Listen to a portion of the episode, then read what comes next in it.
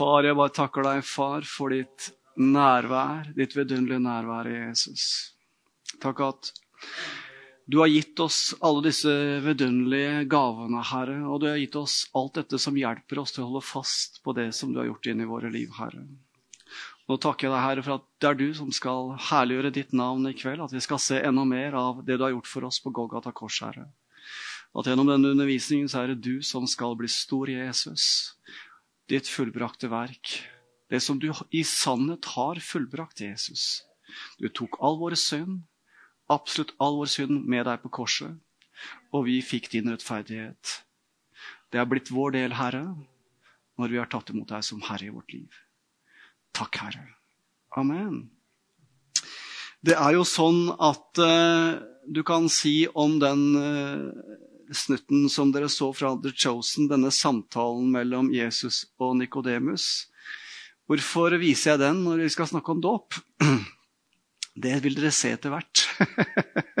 For jeg vil komme tilbake til akkurat den delen når Jesus sier til Nikodemus du må bli født av vann, og du må bli født av ånd. Men vi skal gå gjennom en del forskjellige ting eh, i dag. Eh, masse forskjellige punkter. Fordi at eh, den undervisningen som jeg hadde om dåpen på søndagen, sånn sett så var det bare en innledning. så dere som er her i dag, nå får dere resten av pakka. Så det som jeg har lyst til å gjøre, det er å vise noen eksempler på hva dåpen gjør i våre liv. Og jeg har lyst til å lese fra denne boka her. Denne boka av Heidi Baker som heter 'Alltid nok'. Altså, Hun var jo med og forløste en vekkelse ved Guds nåde i Mosambik, som var herjet av borgerkrig. Én million mennesker døde. Hun reiste nedover sammen med mannen sin Roland Baker og satte i gang et arbeid blant gatebarn. Mange av dem var lemlesta for livet, hadde trådt på landminer. Mange var seksuelt misbrukt. Og det var tragiske ting som skjedde i Mosambik.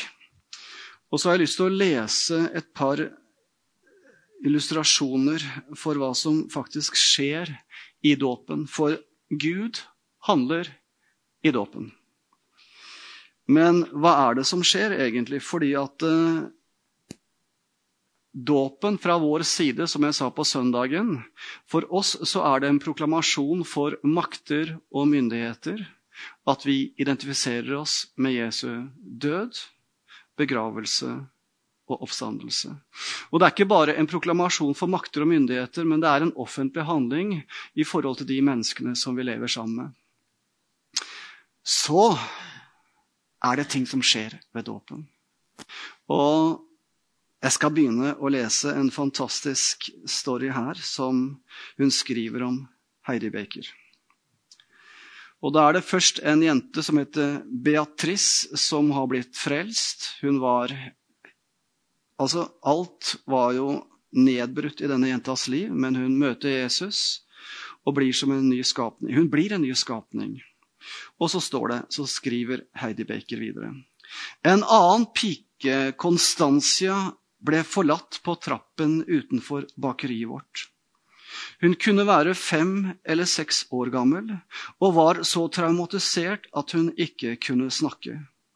Herren sa til meg at jeg skulle løpe etter henne, og jeg gjorde det, og hun lot seg fange. Ikke en lyd ga hun fra seg, men tårene rant stille nedover de innsunkne kinnene. Så holdt jeg rundt henne til hun sovnet. Jeg forsto hva Herren ville si til henne. Han ville etterjage henne med sin kjærlighet og holde henne i armene sine. For en ubeskrivelig sorg fylte denne lille, forpinte jenta. Beatrice forsto denne sorgen og visste hva det ville si å være uønsket og stygg. Og nå tok hun seg av Costancia med en stor kjærlighet og medfølelse. Enda Constancia ikke kunne snakke, snakket Beatrice til henne hele tiden og leide henne med seg overalt. Til min store overraskelse sto Constancia i dåpskøen en dag. Og jeg tenkte, hvordan kan jeg døpe en pike som ikke snakker? Hvor mye forstår hun av dette, tenkte jeg. Vet du hva dette egentlig betyr? spurte jeg henne. Over 120 mennesker sto i køen den dagen. Selv sto jeg i en diger, gammel vaskebalje, og vannet var allerede skittengrønt etter alle jeg hadde døpt. Er du sikker på at Gud taler til hjertet ditt? spurte jeg igjen. Vil du virkelig bli døpt?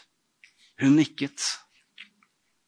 Jeg løftet opp den spede, sønderknuste, forslåtte lille jenta og plasserte henne i vannet. Og i Faderen, Sønnen og Den hellige ånds navn døpte jeg henne. Da hun kom opp av vannet, smilte hun for første gang etter at hun kom til oss. Ansiktet hennes strålte av Guds herlighet. Den dagen begynte hun plutselig å snakke igjen. Og hun sa hun gjerne ville lede barnekoret. Senere fortalte hun at hun hadde sett foreldrene sine bli skutt og halshugget. Før kunne vi bare gjette på hva slags redsler det var som hadde dypfryst sjelen hennes. Men Jesus kom til henne der i dåpsvannet og han ga henne glede istedenfor sorg.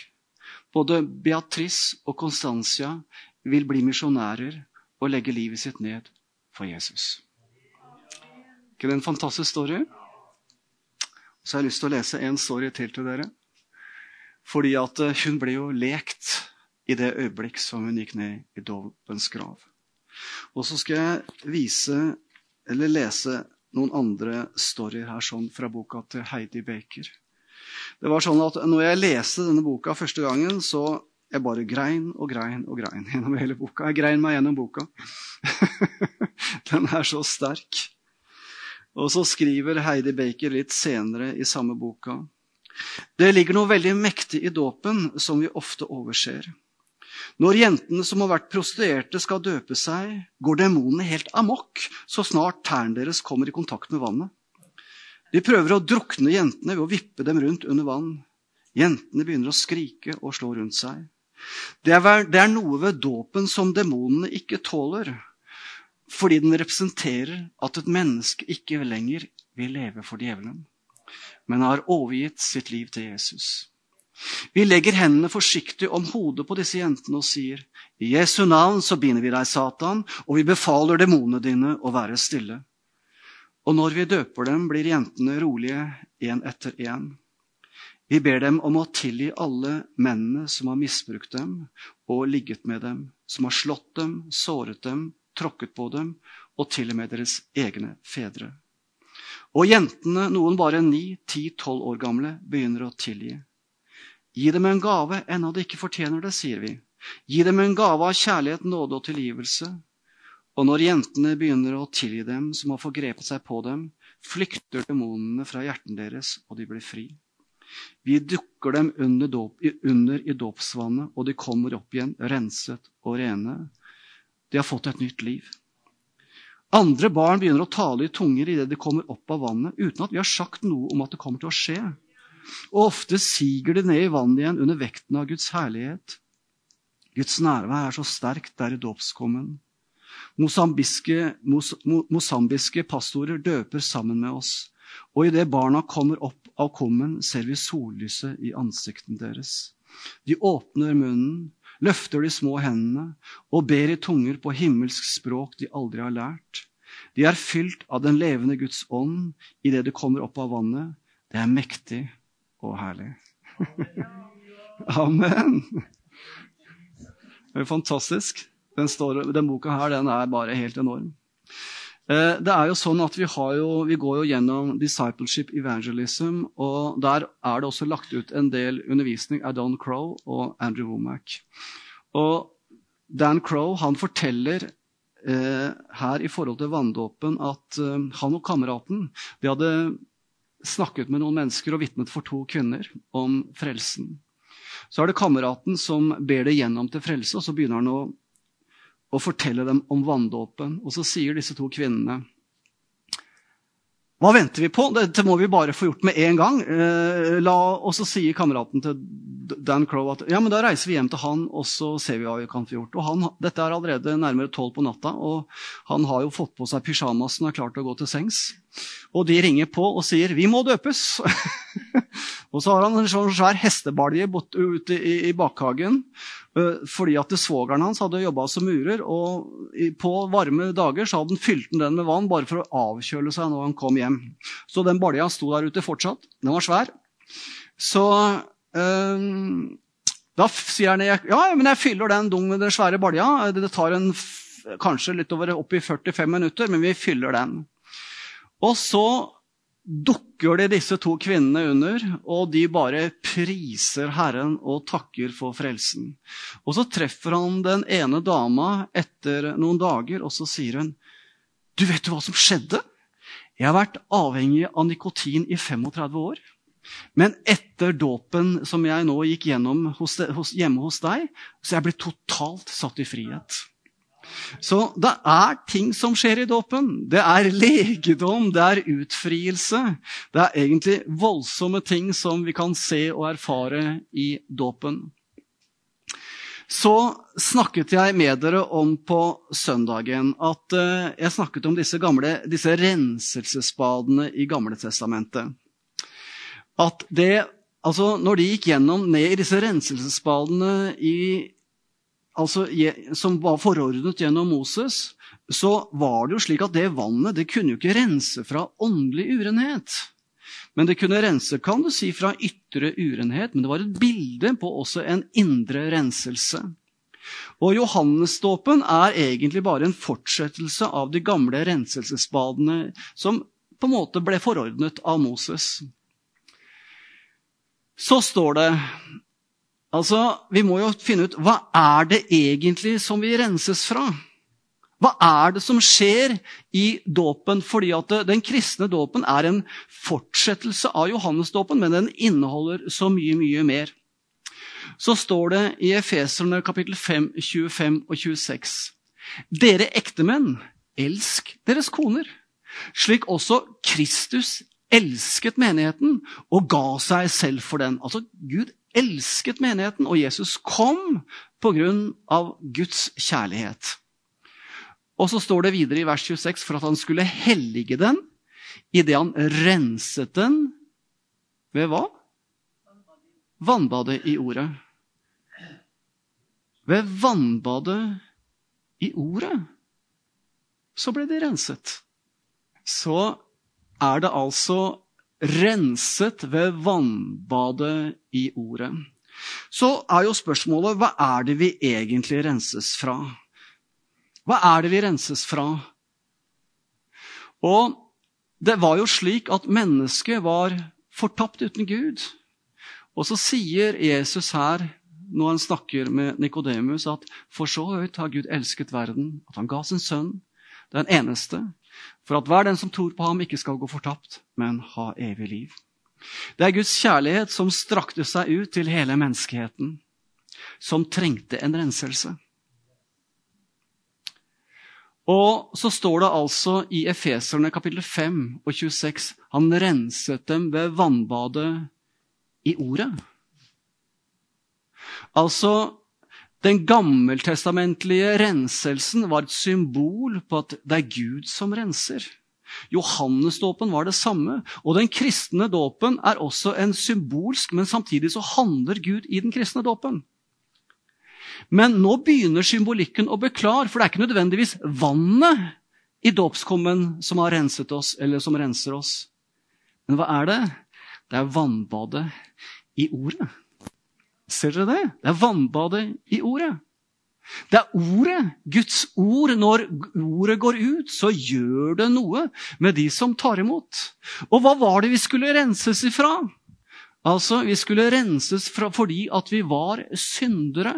Det er som Jesus sier til denne eh, når han snakker med Nikodemus, som vi så i eh, dette lille avsnittet fra The Chosen, at eh, vi trenger ikke å bli kvitt undertrykkelsen fra romerne, men slaveriet under synden. Og så står det i første korinterbrev at ja, vet dere ikke at ingen urettferdige skal arve Guds, arve Guds rike? Og så er det en sånn oppramsing av alt det elendige som mennesket i utgangspunktet gjør. Og så står det videre Og slik var også dere. Men dere ble renset, og dere ble helliget, dere ble rettferdiggjort i den Herre Jesu navn og i vår Guds ånd. Det er Ordet og Ånden som renser oss. Det er Ordet, det er Ånden som renser oss her, men det er Ordet og Ånden. Altså Denne renselsen skjer ved at Guds ord kommer inn i våre liv. Ordet blir forkynt, og så gjør Ånden det levende for oss, og den nye fødselen skjer. Og da er det en total renselse her inne. Fordi at gamle Adams natur renses totalt vekk. Totalt renses den gamle naturen vekk. Og så sier Jesus til Nikodemus, du må bli født av vann og ånd. Og Han sier også at det som er født av ånden, er ånd. Det er noe som må fødes av Den hellige ånd. Og den renselsen som skjer når gamle Adams natur byttes ut med Guds natur, med Jesu natur. Det er den renselsen som skjer ved den nye fødselen. Og dåpen i vann er en symbolsk kan du se, en symbolikk på hva som skjer når vi fødes på ny. For det er Altså, tenk på det! Tenk at ordet er så kraftfullt. Dette ordet er så kraftfullt at når Den hellige ånd kommer og tar ordet, så er det så kraftfullt at det føder oss på ny. Og gamle Adams natur byttes ut med Jesu Kristi natur på innsiden av oss. Det er voldsomme greier, altså. Og da renses vi ut fra denne verden. Vi har blitt helliget, satt til side for Gud. Men dette skjer i den nye fødselen. Men dette symboliserer også vannbadet, altså den troendes dåp. så sier Jesus fordi at eh, Jesus sier at du må bli født av vann, og du må bli født av ånd. En veldig naturlig tankegang her sånn er det at det henviser til vannbadet i ordet og ånden som gjør ordet levende. Men det kan også tolkes dit hen at født av vann kan være den naturlige fødsel, fordi at alle mennesker når de ligger i mammas mage, så er de omgitt av en pose av vann.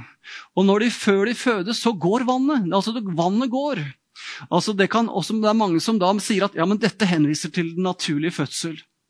For det er klart det at skal du komme inn i Guds rike, så må vi først fødes som et menneske. Og så Men det er ikke nok å bli bare født av et menneske. Vi må fødes av Guds ånd samtidig. Ikke sant? Og så står det, hør nå dette er veldig fantastisk å se, fordi at eh, hvis du går inn i beskrivelsen av hva som skjedde med, i Det gamle testamentet, så er dette skyggebilder, som jeg sa på søndagen. Det viser noe mer. Og Så skriver da Paulus i 1. Korinterbrev kapittel 10 og vers 1 og 2.: Dessuten, søsken, vil jeg ikke at dere skal være uvitende om at alle våre fedre var under skyen, og alle gikk gjennom havet. Alle ble døpt til Moses i skyen og i havet.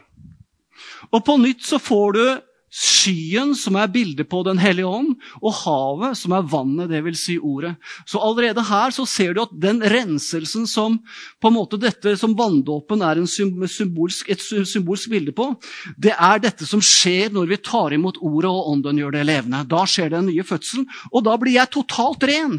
I det øyeblikk som jeg tar imot Jesus Kristus, så er jeg totalt ren i mitt indre. Jeg har fått en ny natur. Jeg har fått Jesu Kristi natur på innsiden. Gamle Adam er borte. Så Altså, gamle Adams natur er borte. Og vi er blitt renset og helliget. Halleluja. Så står det men hva med syndenes tilgivelse? Fordi at Når du leser Apostlenes gjerninger 2.38, så står det omvend dere, og enhver av dere la seg døpe i Jesu Kristi navn til syndenes tilgivelse, og dere skal få Den hellige ånds gave. Så her kan det virke som om dåpen er en forutsetning for å få tilgivelse. Vanndåpen, trones dåp. Men så står det andre steder du vet, Vi kan ikke bare ta ett enkelt vers. Vi må på en måte ta hele Guds ord. Og så må vi se hele bildet. For det står i Apostlenes gjerninger kapittel 10 og 43 om ham vitner alle profetene, altså om Jesus Kristus, at hver den som tror på ham, skal få syndenes tilgivelse. Det som på en måte gjør og forløser syndenes tilgivelse inn i vårt liv, er at vi tror på ham, på Jesus Kristus. Det står ingenting om dåp her. Så står det her sånn i Lukas, og det er det Jesus som sier før han blir tatt opp til himmelen, så sier han at eh, omvendelse og syndenes tilgivelse skulle forkynnes i hans navn for alle folkeslag. Altså, hvordan får vi tilgivelse? Omvendelse ved å tro på han. står ingenting om dåp der heller. Men dåpen er en del av hele pakka, og det skal vi se på etter hvert.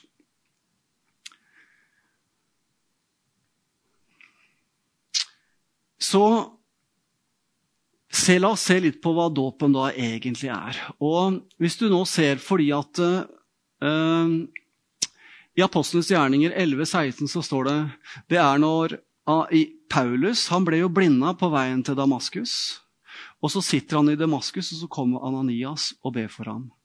Og Så sier Ananias til Paulus, og nå hva venter du på? Stå opp og bli døpt og få vasket bort syndene dine idet du påkaller Herren Jesu Kristi navn.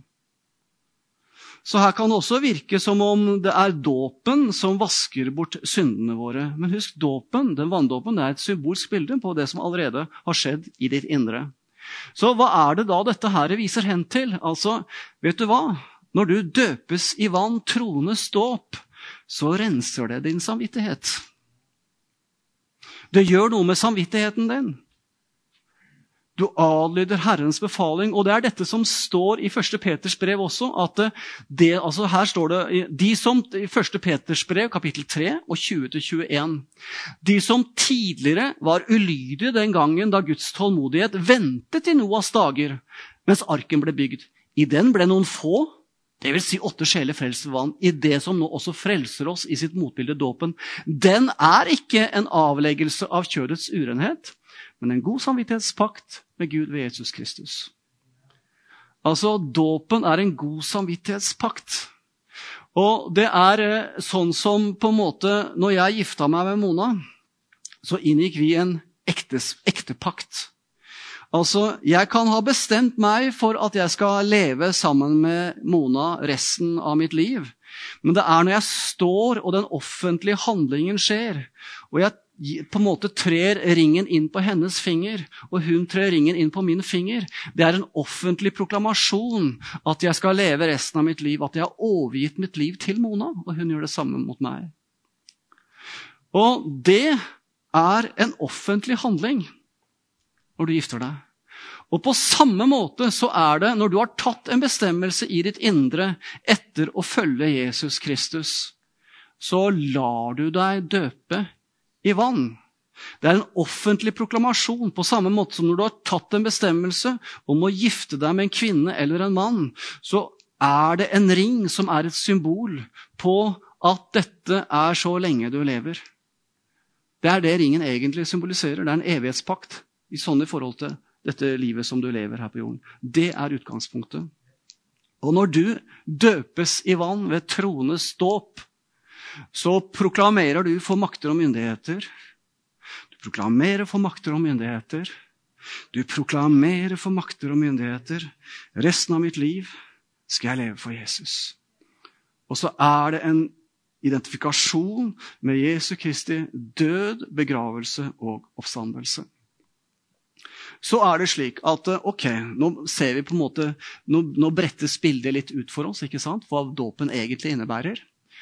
Og så står det vi sa i stad, at det er en god samvittighetspakt med, med, Gud. Men se på det som står i 1. Peter 3, 20, 21. For dåpen er en atskillelse. Og hva er det en atskillelse ifra? Det står her i vers 20 i 1. Peter 3.: De som tidligere var ulydige den gang da Guds tålmodighet ventet i Noas dager, mens arken ble bygd. I den ble noen få, dvs. Si åtte sjeler, frelst ved vann. Det som også nå frelser oss i sitt motbilde dåpen, den er ikke en avleggelse av kjødets urenhet, men en god samvittighetspakt med Gud ved Jesus, ved Jesu Kristi oppstandelse. Hva skjedde Altså, syndefloden kom. Og jeg tror at det er en realitet som virkelig skjedde. Det er den beste forklaringen vi kan gi i forhold til hele verdenshistorien og utviklingen. Gjennom syndefloden så ble Noah og hans familie adskilt fra den gamle verden. Det var ikke mulig å vende tilbake til den gamle verden før syndefloden. Det var en adskillelse som skjedde. Og det er det samme som skjer når vi døpes og går ned i dåpens grav.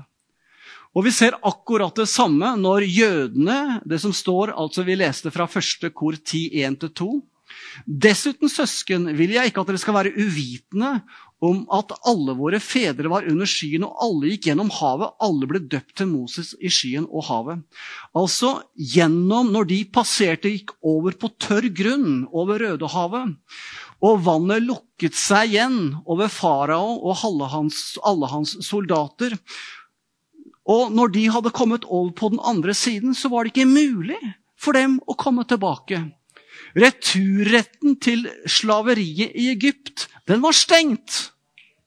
Og Det er nettopp dette som da dåpen er et bilde på. At det er ingen vei tilbake. Det er en beslutning du tar om at fra nå av og resten av mitt liv så er det ingen alternativer for meg. Det er bare én ting som teller, og det er å følge Jesus Kristus. Det er mitt liv.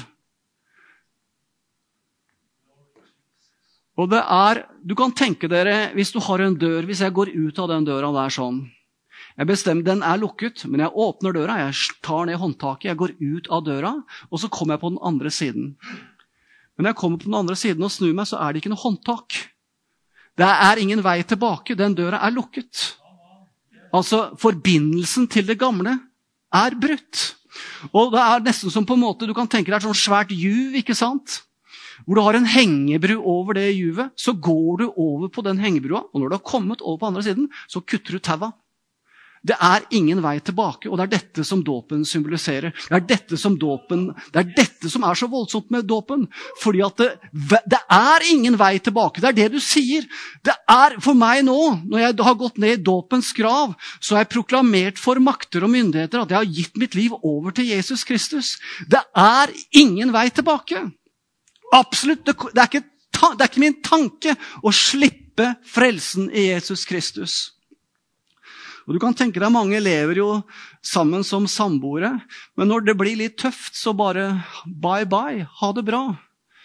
Og Det er derfor ektepakten er så viktig. Når du på en måte offentlig bekjenner at ja, jeg velger å leve resten av mitt liv sammen med den kvinnen eller den mannen. Jeg har valgt det. Så er det en offentlig proklamasjon at dette skal jeg holde på av hele, alt jeg har i mitt liv, skal jeg holde på den kvinnen eller den mannen jeg har valgt å leve sammen med. Og Det er det samme du gjør når du går ned i dåpens grav. Du proklamerer for makter og myndigheter. Det er ingen vei tilbake. Og Jeg prata litt med Henny Grønås etter møtet vi hadde på søndagen. Også. og Det vi ofte ser, er det at vanndåpen utløser forfølgelse i muslimske land. Hvorfor gjør den det? De aksepterer det så lenge som du kan på en måte si du tror på Jesus.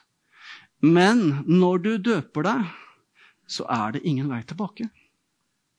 Da har du brent broene. Du har gått ut gjennom den døra hvor det ikke er noen retur. Og da starter forfølgelsen. Og Hun fortalte hvordan de hadde vært i kontakt med en muslim som ble frelst. og Så valgte han å døpes, og da skulle de drepe ham. I Norge. I Norge. Det er noe som provoserer så helt enormt. Dåpen er altså en begravelse også av gamle Adam. Det er jo slik at uh, som en konsekvens av syndefallet så ble, fikk mennesket en syndenatur. Og i det du tar imot Jesus Kristus som frelser i ditt liv, så får du en helt ny natur. Og da er det bare å begrave det gamle liket. Og det var en sånn straff for romerske borgere, eller romerske mordere, vil jeg si. Ikke borgere, for de hadde litt spesielle særrettigheter. Men dersom jeg hadde levd under, i det romerske imperiet, og jeg hadde myrdet en person, så var det slik at hvis da disse romerske myndighetene oppdaget hva jeg hadde gjort, og fant den døde, så putta de meg inn i cella, og så sa de at nå skal vi dømme deg. Og vet du hvordan jeg ble dømt? De tok liket av den jeg hadde drept, og så bandt de den rygg mot rygg. Og så måtte jeg, som hadde myrdet den personen, bære på liket. Men de fjernet alle klær, slik at det ble bar hud mot bar hud. Jeg måtte gå rundt og bære på liket. Og Det som skjedde var det at det skjedde, begynte en forråtnelsesprosess i det liket. Og etter en periode så ville den forråtnelsesprosessen også starte i min kropp. Konsekvensen ble at den jeg hadde drept, drepte meg. Ser dere? Det var den romerske straffen for mordere hvis de ble oppdaget. Og sånn sett, når ikke vi har gått ned i dåpens grav, så går vi og bærer på et lik. vi går og bærer på et lik av gamle Adam.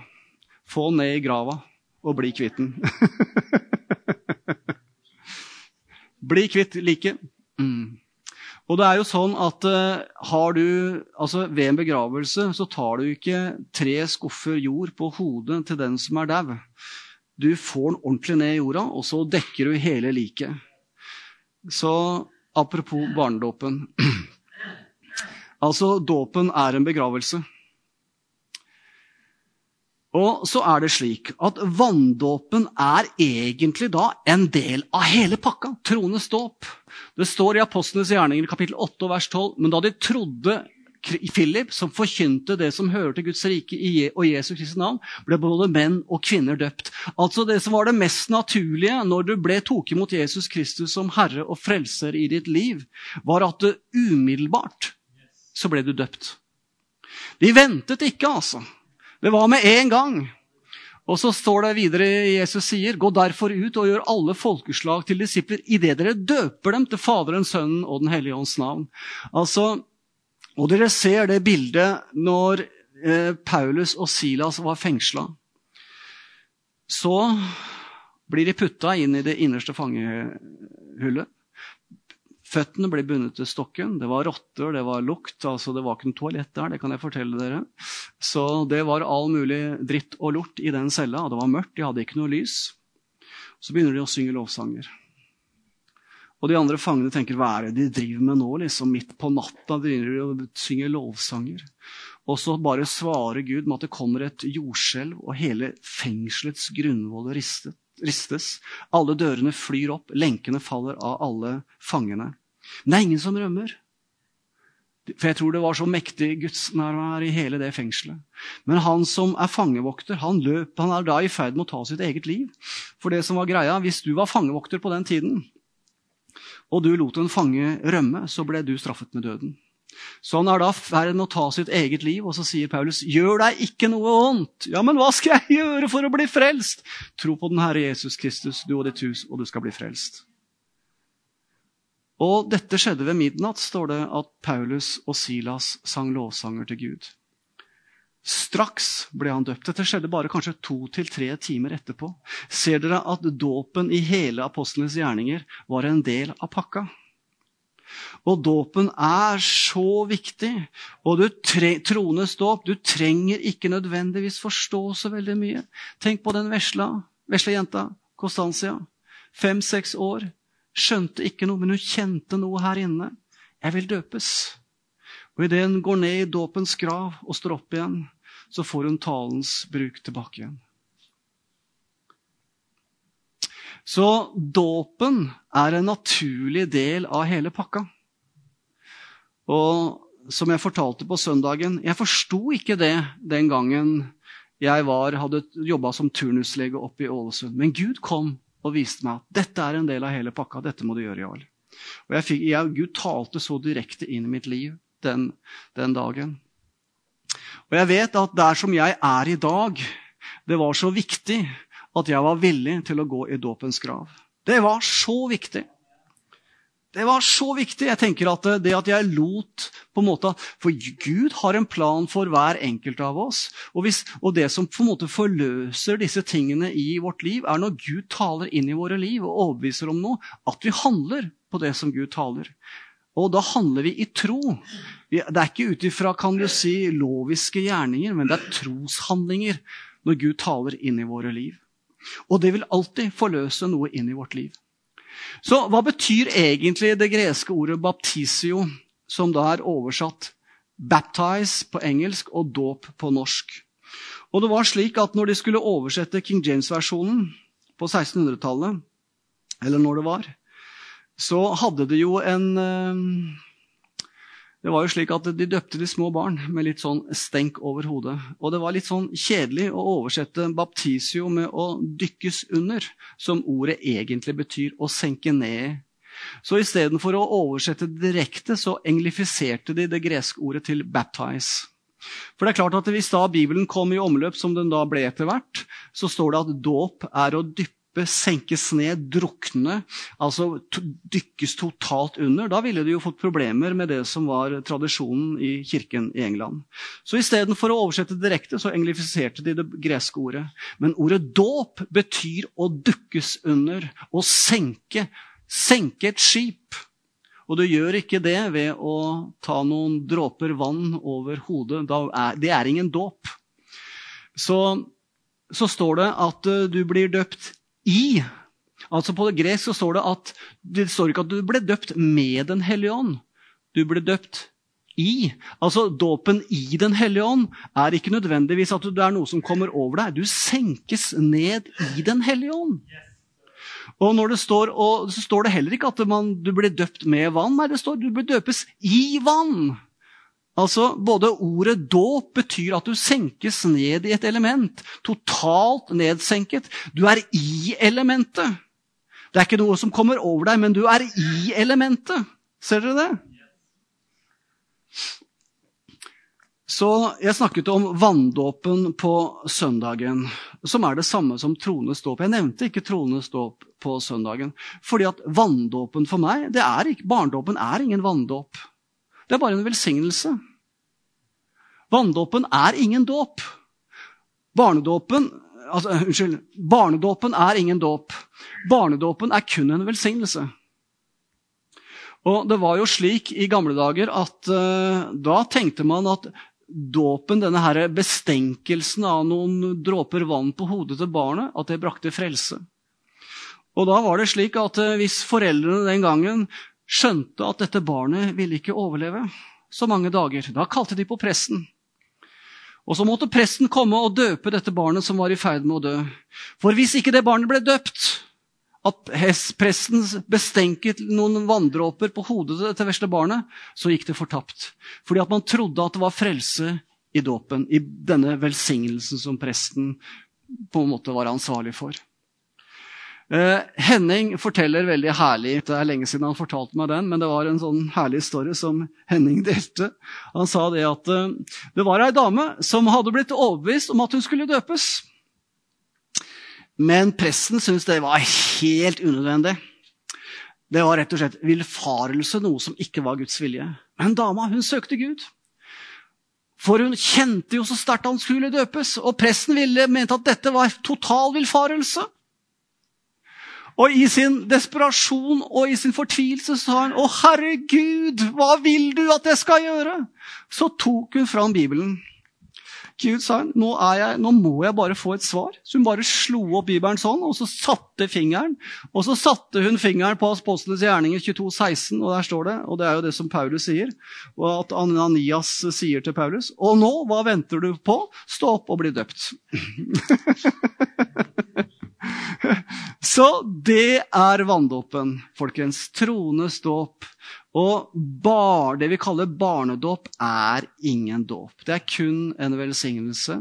Så jeg tenker, vil du virkelig komme inn i det som Gud har for deg, så er faktisk trones dåp et viktig steg underveis.